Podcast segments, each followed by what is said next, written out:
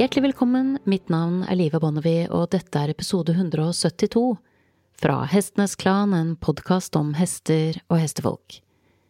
Det sies at dersom du putter et råttent eple i en kurv med friske epler, så vil alle eplene råtne. Og det er mange som mener at nettopp dette bildet oppsummerer dansk TV 2s kontroversielle dokumentar Hestemilliardærens hemmeligheter. Men hva om ingen har puttet et råttent eple i den kurven? Hva om kurven bare har fått stått for lenge uten å bli ordentlig tatt tak i, og den egentlige forråtnelsesprosessen kommer fra innsiden?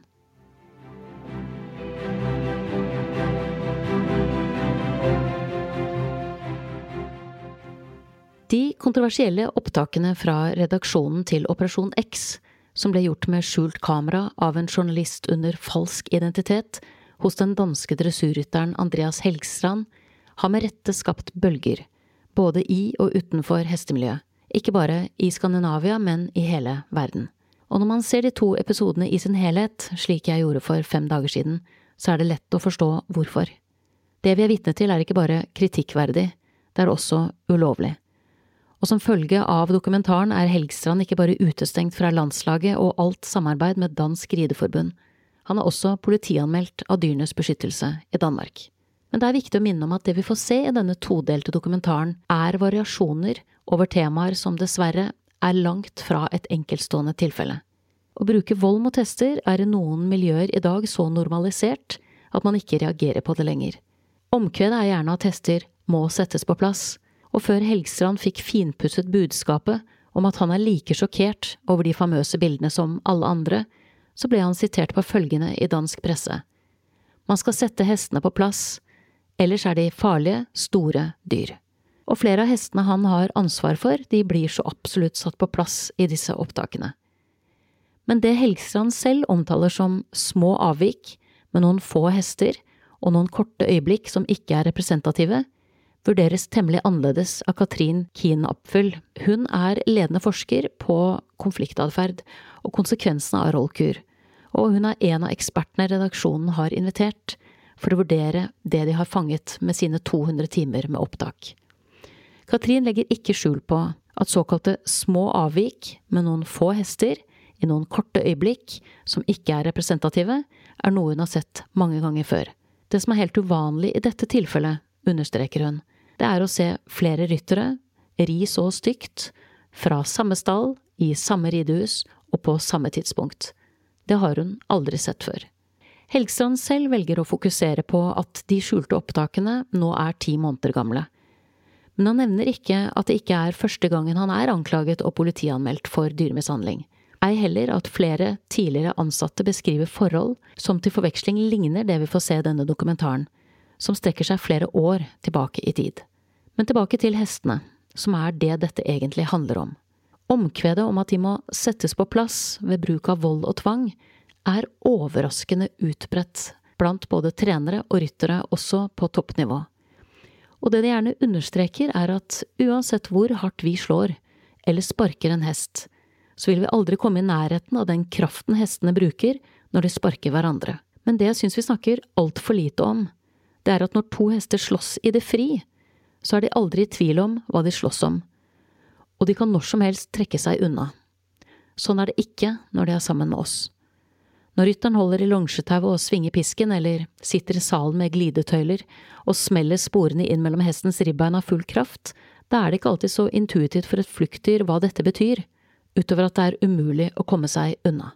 Legg til at mange forfekter at hester ikke kan tvinges til å gjøre noe de ikke selv vil, selv om dette ikke er noe annet enn en seiglivet myte, på linje med at gullfisk ikke har mer enn noen sekunders hukommelse.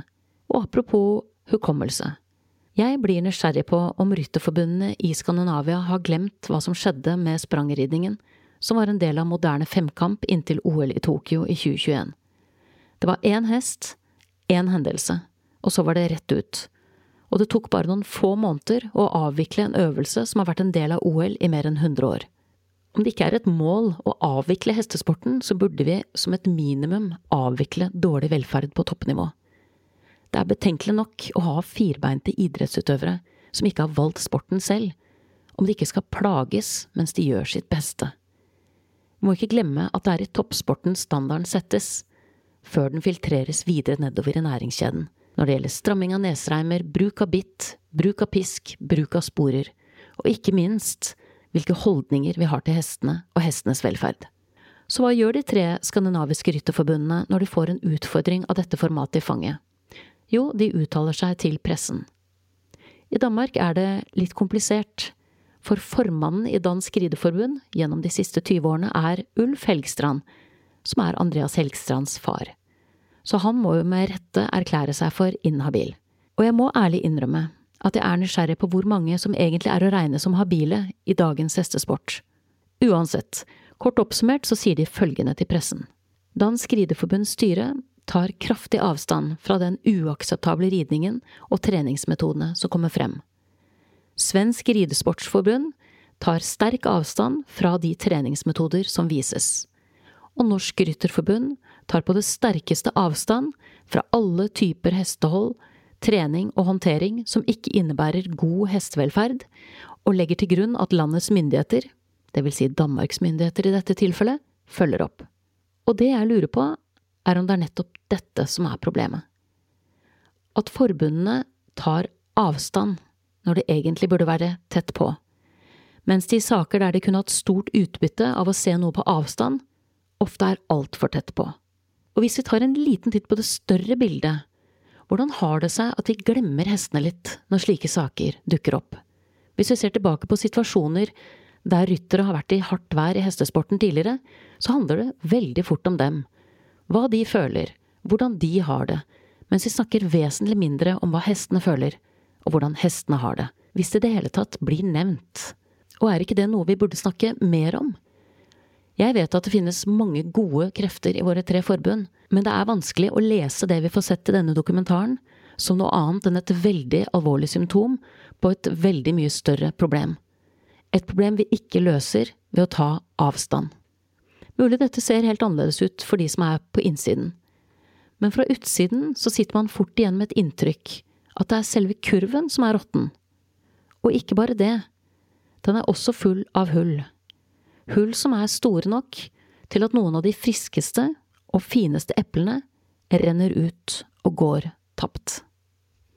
Du har nettopp hørt episode 172 fra Hestenes Klan, en podkast om hester og hestefolk og i neste ukes episode så kommer jeg til å ta et steg oppover i næringskjeden for å se nærmere på hvor FEI, Det internasjonale rytterforbundet, står i denne saken. Da gjenstår bare for meg å takke min faste komponist Fredrik Blom, designeren av podkastens visuelle profil, Ove Hals, min lyddesigner Stig Holte, og sist, men ikke minst, vil jeg som alltid takke deg, kjære lytter, for tålmodigheten. Måtte hesten for alltid være med deg.